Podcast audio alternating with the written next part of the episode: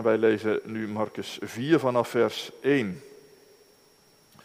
In Marcus 4 staan achter elkaar een drietal gelijkenissen over het zaad. Marcus 4 vanaf vers 1. En Jezus begon weer onderwijs te geven bij de zee. En er verzamelde zich een grote menigte bij hem, zodat hij in een schip ging zitten, op zee. En heel de menigte was op het land aan de zee. En hij onderwees hun veel dingen door gelijkenissen en zei in zijn onderricht tegen hen, luister, zie, een zaaier ging erop uit om te zaaien. En het gebeurde bij het zaaien dat het ene deel van het zaad langs de weg viel en de vogels in de lucht kwamen en aten het op. En een ander deel viel op steenachtige grond waar het niet veel aarde had. En het kwam meteen op, doordat het geen diepte van aarde had. Maar toen de zon was opgegaan, verschroeide het. En doordat het geen wortel had, verdorde het. En een ander deel viel in de dorens en de dorens kwamen op en verstikten het en het gaf geen vrucht. En nog een ander deel viel in de goede aarde en gaf vrucht. Het kwam op en groeide en het droeg dertig en het andere zestig en het andere honderdvoudig. En hij zei tegen hen, wie oren heeft om te horen, laat hij horen. En toen hij alleen was, vroegen zij die om hem heen waren met de twaalf hem naar die gelijkenis. Vers 13. En hij zei tegen hen, begrijpt u deze gelijkenis niet? En hoe zult u dan alle gelijkenissen verstaan? De zaaier is hij die het woord zaait. En dit zijn zij bij wie langs de weg gezaaid is, in wie het woord gezaaid wordt. En als ze het gehoord hebben, komt de Satan meteen en neemt het woord weg, dat in hun hart gezaaid was. En evenzo zijn dit degenen in wie op steenachtige grond gezaaid wordt, die als ze het woord gehoord hebben, het met vreugde ontvangen, maar geen wortel in zichzelf hebben, want ze zijn mensen van het ogenblik. En als er later verdrukking of vervolging komt, omwille van het woord, struikelen ze meteen. En dit zijn zij bij wie in de dorens gezaaid wordt. Ze horen het woord, maar de zorgen van deze wereld en de verleiding van de rijkdom en de begeerte naar al het andere komen erbij en verstikken het woord. En het wordt onvruchtbaar. En dit zijn zij bij wie in de goede aarde gezaaid wordt. Ze horen het woord en ze nemen het aan en dragen vrucht. De een dertig, de ander zestig en de ander honderdvoudig. Vers 26. Ook zei hij, zo is het koninkrijk van God. Als wanneer iemand het zaad in de aarde werpt en slaapt en opstaat nacht en dag en het zaad ontkiemt en het wordt lang zonder dat hij zelf weet hoe. Want de aarde brengt vanzelf vrucht voort. Eerst de halm, daarna de aar, daarna het volle koren in de aar. En als de vrucht het toelaat, zendt hij meteen de sikkel erin, omdat de oogsttijd aangebroken is. En hij zei, waarmee zullen we het koninkrijk van God vergelijken? Of door welke gelijkenis zullen we het voorstellen? Door een mosterdzaad. Dat als het in de aarde gezaaid wordt, het kleinste is van alle zaden die er op aarde zijn. Maar wanneer het gezaaid is, komt het op. En het wordt het grootste van alle tuingewassen. En maakt grote takken, zodat de vogels in de lucht in zijn schaduw kunnen nestelen. Zo luidt het woord van onze Heer. Amen. Gemeente van Jezus Christus, en vanmorgen in het bijzonder jullie als, als doophouders. Vorige week zagen we hoe Jezus aan zijn missie begon. Bekeer u, want het koninkrijk van God is nabijgekomen. En en nu hij overal gaat preken, nu, nu geeft hij eerst uitleg over dat komende koninkrijk. En dat was ook wel nodig, want de, de mensen dachten dat het koninkrijk meteen zou aanbreken. Want ja, zo hadden de, de profeten dat toch ook beloofd. Op die dag, als de Messias verschijnt, dan overwint hij al zijn vijanden. Als de vredevorst komt, dan, dan breekt het vrederijk meteen aan. Vandaar dat je in het evangelie altijd zo'n hooggespannen verwachting proeft. Gaat u nu het koninkrijk voor Israël herstellen? Maar Jezus tempert die verwachting. Want het koninkrijk komt niet abrupt, met overmacht. Nee, dat, dat moet juist langzaam groeien. Daar gaat tijd overheen. Zoals bij een mosterdzaadje. Die boom staat er ook niet meteen. Maar die begint juist heel erg klein. Zo, groeit het koninkrijk van God. Van klein naar groot. Jezus plant kleine zaadjes van geloof die vruchten geven en die het zaad weer verder dragen en die dan weer vruchten geven. En, en zo gaat het verder als een domino-effect. Van mond op mond, van geslacht op geslacht, als een, als een, als een olievlek over deze aarde. En achteraf mag je, mag je prachtig zien dat het inderdaad ook zo gegaan is. Het, het zaadje van het evangelie, dat, dat is een boom van een kerk geworden. En, en dat had je toch bijna niet kunnen denken. want die, die baby in de kribbe en die, die, die, die martelaar aan dat kruis, ja, wat stelt die Jezus nou toch voor ten opzichte van die Romeinse keizers? En, en dat stelletje ongeschoolde vissers, wat, wat stelt dat nou toch voor ten opzichte van de Griekse filosofen? Het koninkrijk van God had een uiterst zwak begin. En toch, door de groeikracht van het woord breidt het steeds verder uit. Volk na volk en werelddeel na werelddeel. En nog steeds slaat het wereldwijd zijn takken uit. Ja, akkoord, in het Westen zien wij secularisatie om ons heen. Maar laat je bemoedigen. Want Gods, eh, Gods koninkrijk heeft zijn groeikracht niet verloren. Ja, maar nou maken we het vanmorgen ook persoonlijk. Want wij, en jullie kinderen, wij, wij groeien dus op in een land dat seculariseert. Maar hoe zal het dan bij hen gaan? Slaat het geloof wel aan bij hen? jullie willen van harte gaan getuigen, maar hoe weet je nou of, of, of jullie kinderen ook werkelijk zullen delen in Gods koninkrijk? Tijdens ons doopgesprek hadden we het daarover en zeiden jullie eerlijk dat die vraag je ook wel eens bang kan maken. En, wat betekent dat dan voor Gods belofte? Wat, wat betekent dat dan voor jullie geloofsopvoeding? Nou, die vragen komen aan bod in die, in die eerste gelijkenis. Zie, een zaaier ging erop uit om te zaaien. Dat, dat beeld was in Israël overbekend. En voor ons natuurlijk niet. Maar waarschijnlijk zag je toch wel zoveel illustraties. dat, dat, je, dat je het voor je ogen ziet, ziet gebeuren. hoe de zaaier met zijn schort voor heen en weer zo over de akker loopt. En, en met brede gebaren de tarwekorrels in de aarde werpt. En Jezus geeft er meteen de uitleg bij. Die zaaier, dat ben ik. En wat ik zaai, dat zijn Gods heerlijke beloftes. Ik zaai de liefde van God. Dat jij bij de Vader horen mag. Ik zaai de vergeving van God. Dat, dat ik alle zonden van je wassen wil. Ik, ik zaai de vernieuwing van God. Dat, dat je mij met liefde volgen wil. Dat, dat zaai ik allemaal uit. Dat jij een kindje in mijn koninkrijk mag zijn. Dat, dat, dat doe ik nu. In de doop. Maar ook elke keer dat er thuis uit de Bijbel wordt gelezen. En dat jullie erover praten, erover zingen, ervoor bidden. Dat doe ik telkens in de kerk en op school. Dan plant ik die blijde uitnodiging in jullie leven als een zaadje van geloof. Ja, maar heeft dat dan ook effect? Groeit er dan ook daadwerkelijk een gelovig leven? Nou, en daar komt dan de secularisatie om de hoek. Dat is dus helemaal niet zeker. En nee, dat ligt niet aan het zaad. Want dat zaad, dat is volmaakt. Jezus zegt, of dat goede zaad uitgroeit, dat hangt helemaal af van de grond waarin het valt. En, en zo is het ook met het geloof. Of, of mijn doodbeloften echt tot leven komen, dat, dat hangt helemaal af van het hart waarin het landt. En dan waarschuwt Jezus drie keer voor een ondergrond waarin geen vrucht kan groeien. En daar moet je ook als gezin heel persoonlijk over nadenken. Deze gelijkenis is dus geen meer keuzevraag. Zo van welke grond is nou het beste? Nou ja, dan is het een inkoppertje, dan, dan kiezen we allemaal voor optie 4. Nee, het gaat er vanmorgen om dat je, dat je eerlijk in de spiegel kijkt. Wat, wat herken jij nou?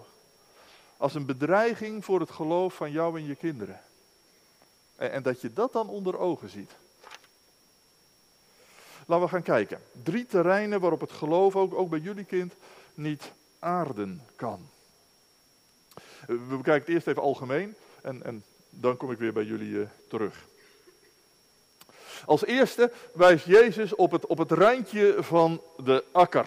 Dat, dat ligt zo dicht bij de weg dat je, dat je het verschil nauwelijks gaat zien. Want ja, mensen en dieren moeten natuurlijk wel eens uitwijken. En, en daardoor is die bermstrook net zo plat getreden als de weg. Die grond die is zo hard dat het zaad er gewoon bovenop blijft liggen. En geen wortel kan schieten. Ja, het zou natuurlijk wel gaan hoor. Het, zou natuurlijk wel gaan als het de tijd maar kreeg.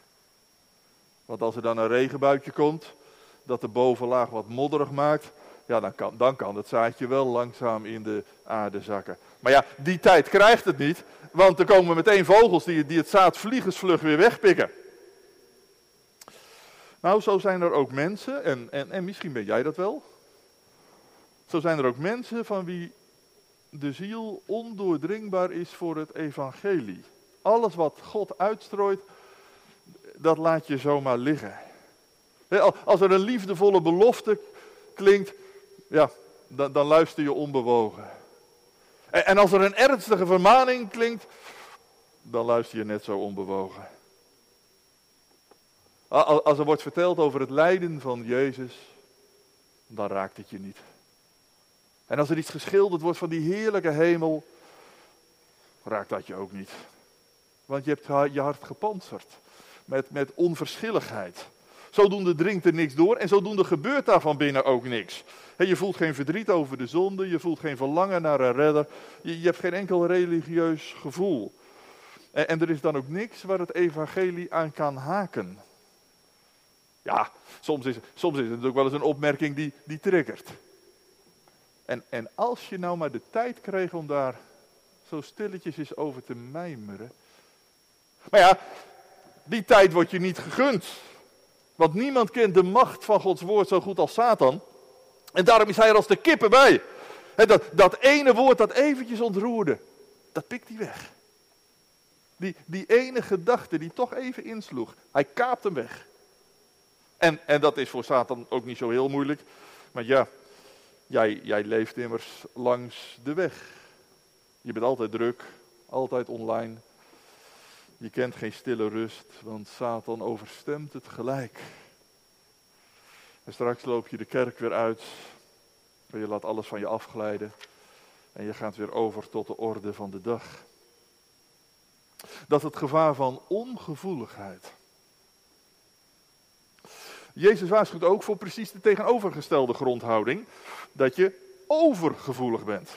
En je alleen laat leiden door je gevoel. Een ander deel viel op steenachtige grond.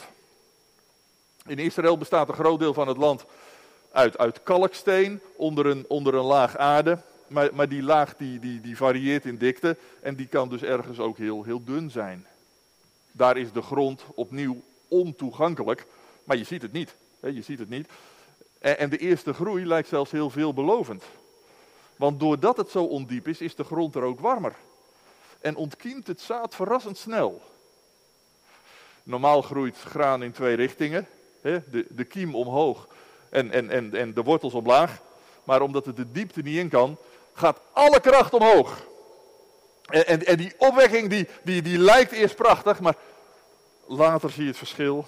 Want hij groeit wel hoog, maar er zit geen inhoud in. Het is een spichtige spriet zonder een, een volle halm. En als de zon gaat branden, gaat ze plat. Want zonder wortels vindt ze geen water. Ze heeft geen uithoudingsvermogen. En ze gaat dood. En zulke mensen zijn er ook. En net hadden we het over mensen die niet te bewegen zijn. Eh, maar er zijn ook mensen die direct bewogen zijn. En Jezus had er zelf heel veel onder zijn volgelingen. Wow, dat hebben we nog nooit meegemaakt zeg. Wat een Messias. iedereen wil wel bij die koning horen. Emotionele mensen. misschien ben jij het wel. Toen je de blijde boodschap hoorde, raakte dat meteen een snaar. Een God die naar je omkijkt, daar wou je meer van weten, van dat mooie, van dat fijne. En, en vooral als die ene voorganger spreekt, of die ene band speelt, dat is zo geweldig. Als je, als je zo sensitief bent voor het heil, dan heeft dat eigenlijk echt iets moois. Jij, jij wordt tenminste geraakt door wat er wordt verteld. Jij reageert tenminste bevlogen en wil er fanatiek de schouders onder zetten. Dat, dat, lijkt toch alleen maar mooi. En, en, en, en toch, toch, toch waarschuwt onze lieve heiland. Want als je enthousiasme alles is, ja, dan is het wel eenzijdig. Jezus zoekt je ook niet alleen op om je een, een, een blij gevoel te geven. Hij, hij komt ook om aan het kruis te sterven. Voor de verzoening van je zonden. En daarom moet je bij zijn genade niet alleen hooggestemd zingen, maar ook eens dieper nadenken over jezelf. Want wat is er dan eigenlijk mis met mij? Dat ik goddelijke genade nodig heb. En, en, en als het hem zijn eigen leven kost, wat betekent dat dan voortaan voor mijn leven? In de muziek klinken hoge tonen het mooist als ze gedragen worden door een diepe bas. En niet alleen om van allebei wat, maar vooral om, om echt intens vrucht te kunnen dragen. Als je geloof blijft hangen in die sfeer van het gevoel, dan dringt het dus niet wezenlijk door in het, in het stenen hart eronder. Maar als, als je daar de echte bekering mist, dan heb je Jezus dus nog niet gevonden. Als je bron, dan mis je de verworteling in Hem. Dan leef je eigenlijk ook niet uit Hem, maar dan leef je uit je gevoel. In de, in de, in de kerk hebben we meer dan eens gedacht dat iemand bij een missionaire activiteit echt tot bekering was gekomen. Terwijl later bleek dat hij alleen maar psychologisch was meegenomen. En elke keer schrik je daarvan, want ze leken zo gevoelig. Maar in wezen waren ze nog onbewogen. Hun oog was wel vochtig, maar hun hart was nog niet vernieuwd. En daarom houden ze het ook niet vol. Denk maar aan Petrus. Rotsman als die was. Hij ging voorop als enthousiaste pionier maar verloochende zijn heiland toen het moeilijk werd. Licht bewogen door het heil, ook licht bewogen door de angst. Hij gaat als een weerhaantje heen en weer. Jezus zegt, ze ontvangen het woord met vreugde. Maar als er vervolging komt, struikelen ze meteen. Want in wezen heb je niet geloofd. Omdat je het sprookje volgde van het welvaartsevangelie. Dat Jezus je altijd pampert met vrolijkheid. En dat voelt goed zolang het goed gaat. Maar daarmee hou je het niet vol in Noord-Korea. Daarmee hou je het zelfs in Nederland niet vol. Waar geloof en cultuur steeds vaker clashen. In de hitte van de strijd red je het niet met emotie alleen, maar heb je, heb je die diepere geloofsbeleving nodig. Met volharding en zelfverloochening, die is gegrond in Jezus alleen. Ten slotte laat Jezus ons kijken in een derde spiegel. En een ander deel viel in de dorens en die verstikten het. Ja, natuurlijk trokken ook de Joodse boeren het onkruid er wel uit voor ze gingen zaaien. Maar ja, je, je kent het misschien wel vanuit je eigen achtertuin. er hoeft maar iets te blijven zitten of het, of het loopt zo weer uit. En de ellende van die distelplanten is dat, dat die zo snel groeien. die, die holle dingen die gaan veel sneller, veel sneller dan het koren. En, en zo nemen ze al het water en het zonlicht weg en verdringen ze die, die, die kleine halm. En ook dit kan je in het geloofsleven overkomen. E, even tussendoor. Deze mensen lijken dus alweer een stapje verder als, als, als de vorige. Die, die eersten waren ongevoelig en namen het woord niet op. Die tweede waren wel gevoelig en namen het woord wel op, maar misten diepgang. Maar deze derde hebben ook de diepgang. Hun geloof is geen opwelling, maar het groeit echt als, als levend geloof. Ja, maar ook, ook dan dreigt er gevaar. Namelijk dat je jonge geloof overweldigd wordt door allerlei bijzaken. En, en misschien geldt dat wel voor jou. je gaat graag naar de kerk. Je wil God ook echt dienen. Maar tegelijk ben je zo druk met je opleiding, je baantje, je vrienden. Dat er nauwelijks tijd overblijft voor, voor toewijding, bijbelstudie. Of je bent net als Martha, zo druk met je overwerk en de administratie en de mantelzorg. Of gewoon het alledaagse van het gezin. Dat het er niet van komt om stil te luisteren naar God. Of, er is die andere verleiding die, die Jezus in vers 19 noemt. Het verlangen naar steeds meer rijkdom. Ik, ik vond dat beeld van die overwoekerende plant daarin ook wel raak. Hè? Want, hoe ja, zo, gaat dat vaak. Stapsgewijs, groeisgewijs. E-, eerst is geld alleen een factor van betekenis, want ja, je moet er toch van leven, dus, dus natuurlijk let je daarop. Maar als het bezit toeneemt, neemt het je denken soms over. Je gaat in euro's denken. Maar waar je in euro's denkt, kun je niet meer zuiver vanuit God denken. Want het is heel moeilijk om en de mammon en God te dienen. En langzaam maar zeker dringen die doornen zich op. Want je belangen komen in conflict met je ethiek. Je ontspanningen worden zo luxe dat de kerkdienst er is bij inschiet. En je hebt zoveel dat je gebed verstomt. En het gekke is, het, lijkt wel alsof je dit passief gebeuren laat. Je, je strijdt eigenlijk niet eens. Want ja, zo gaat het nou eenmaal in onze zakenwereld. Zo gaat dat in onze jeugdcultuur. En dus nemen de doornen de overhand. En daartussen staat nog wel een sprietje, maar vruchten groeien er niet in. Het lijkt wel onkruid. Gemeente en doopouders, toen ik aan deze preek begon, toen had ik eigenlijk intuïtief een heel erg positief gevoel. Toen dacht ik, fijn preken over die gelijkenis die ook alle kinderen kennen. niet voor niks heten er heel veel scholen de zaaier of de akker. Maar toen ik hier mee bezig was, vond ik bij nader inzien deze gelijkenis eigenlijk heel erg aangrijpend. Want Jezus waarschuwt ons, ja eigenlijk voor die angst, waar we het samen ook over hadden, dat, dat ook heel veel kinderen uiteindelijk verloren gaan. Hij noemt weliswaar geen percentages bij drie van de vier terreinen, maar je voelt hoe substantieel het is. inderdaad, velen zijn geroepen, maar zijn er veel minder die uiteindelijk ingaan. En hoe ontstellend is dat? Hè? Midden op het zaaiveld van Gods kerk lijkt de dood te overwinnen. En, en juist als doopouders kun je, daar, kun je dat afvragen. Maar waarom doet de Heer daar, daar niks aan? Waarom zorgt Hij niet dat onze kinderen zonder meer geloven gaan? En waarom vertelt Jezus niet, ja, en er kwamen vogels om het zaad te pikken, maar ik bond al hun bekken dicht. En de zon begon te branden, maar ik schermde hen daar helemaal vooraf. En, en, en er schoten doornen op, maar ik haalde ze elke keer allemaal weg. Dat, dat, zou het toch veel makkelijker zijn voor jullie kinderen om te gaan geloven.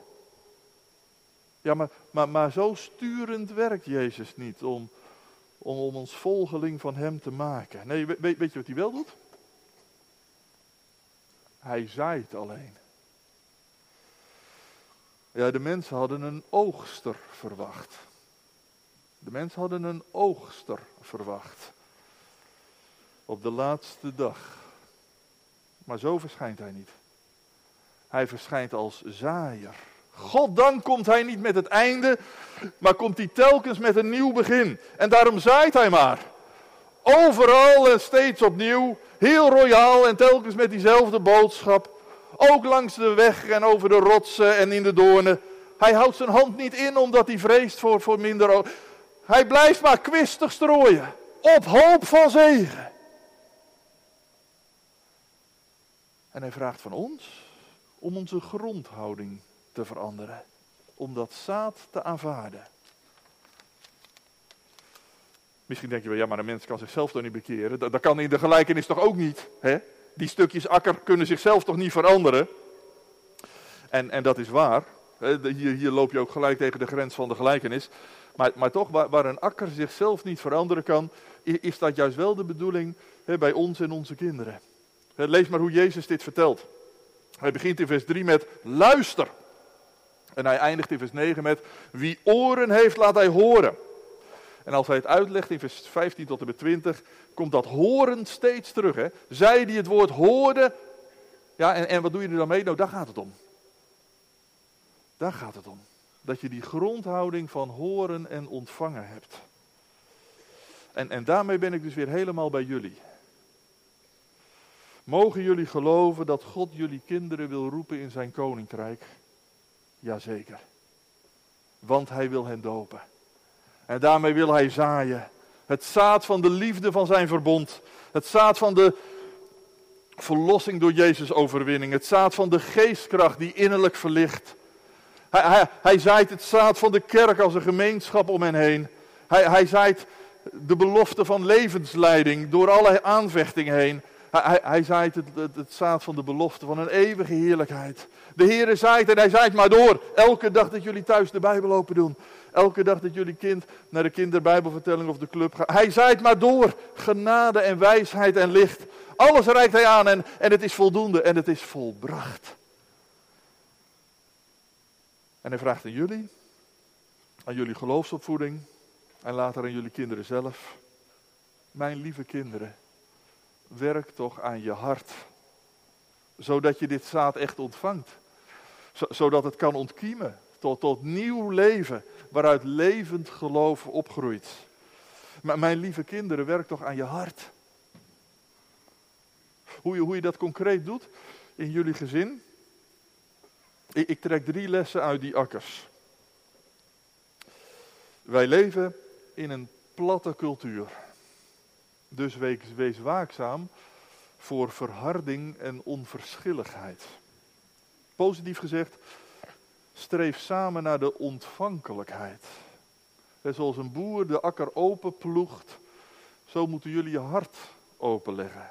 Tot een plek waar je het heil van God ook verwacht. Zorg dat er momenten zijn in jullie dag, in jullie agenda, waarin God echt tot jullie kan spreken. Zorg dat er momenten zijn, samen in de natuur tijdens vakantie of zo, waarop je je verwondert over God. En neem de tijd samen, dat die verwondering kan doordringen. Praat daar niet overheen, maar bevraag elkaar nou juist naar hoe, hoe zulke indrukken landen. Als, als je dit nou leest in de Bijbel. Als je dat nou hebt meegemaakt, wat betekent dat dan voor jou? Wat, wat vertelt je dat over God? We leven in een emotiecultuur. Dus wees als vader en moeder ook waakzaam voor verschraling. Positief gezegd, zorg dat er na de verwondering van de eerste jaren in de puberteit ook verdieping plaats kan vinden. Dat je bijvoorbeeld bewust naar momenten zoekt om ook voor te bouwen op je eigen onderwijs. Ja, toen je jong was, toen zeiden papa en mama altijd: Nou, het is het belangrijkste dat je dit onthoudt, want daar komt het in de kern op neer.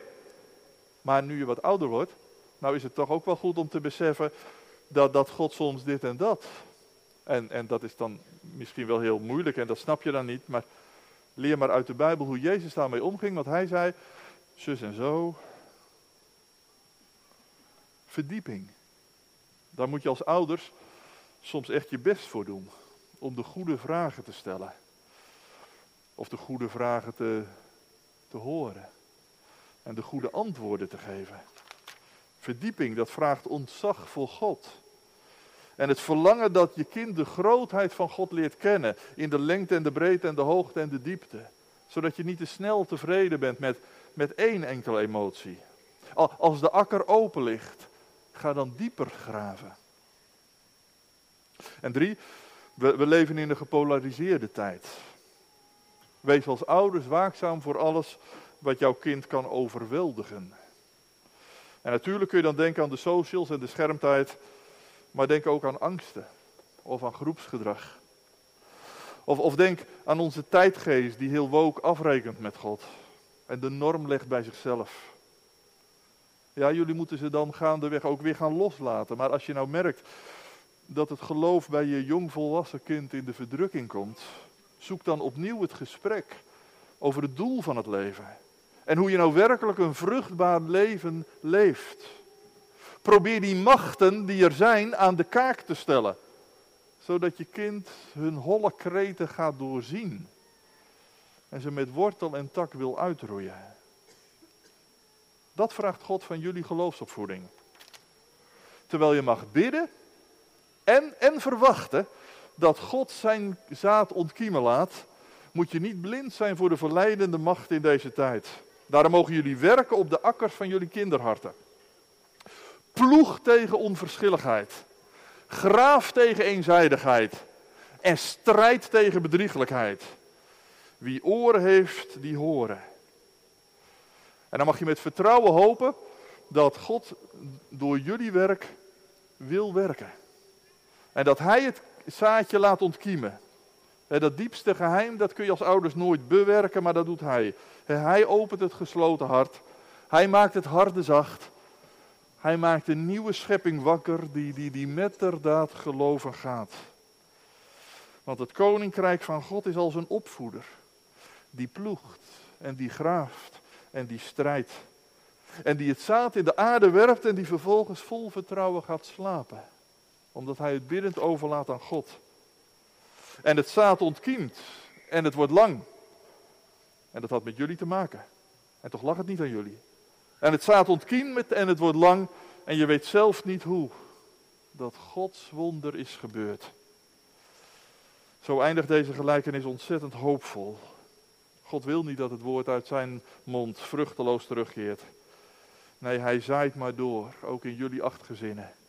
Omdat hij daar veel vrucht van verwacht. Dertigvoud. Of zestigvoud.